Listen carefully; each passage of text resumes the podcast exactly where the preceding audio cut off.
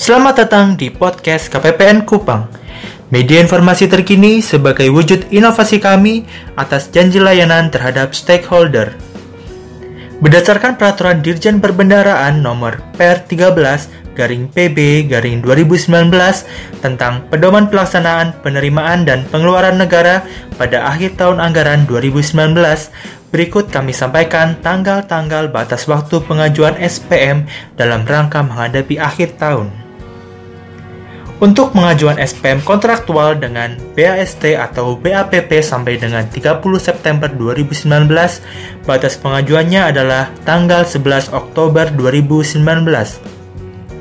Untuk BAST atau BAPP antara tanggal 1 sampai dengan 12 Oktober 2019, batas pengajuannya adalah 25 Oktober 2019.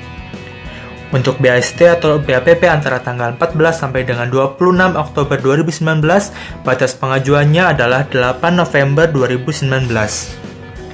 Untuk BAST atau BAPP antara tanggal 28 Oktober sampai dengan 16 November 2019, batas pengajuannya adalah 29 November 2019.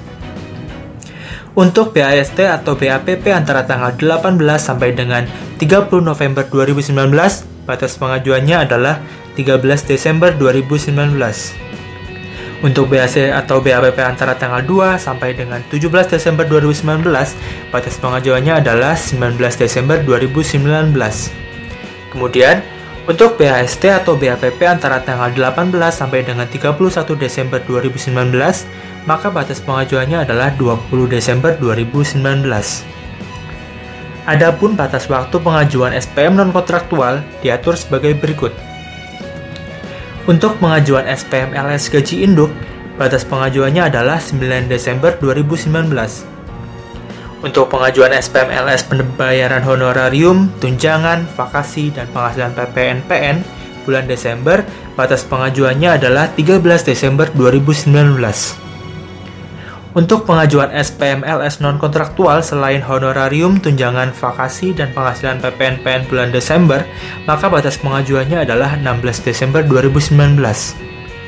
Selain itu, batas waktu pengajuan surat ralat retur diatur paling lambat tanggal 20 Desember 2019, sementara batas waktu perbaikan SPM, data kontrak, maupun data supplier atas SPM yang ditolak oleh KPPN diatur paling lambat tanggal 27 Desember 2019. Demikian informasi yang dapat kami sampaikan pada podcast kali ini. Apabila membutuhkan informasi lebih lanjut, silakan menghubungi customer service KPPN Kupang.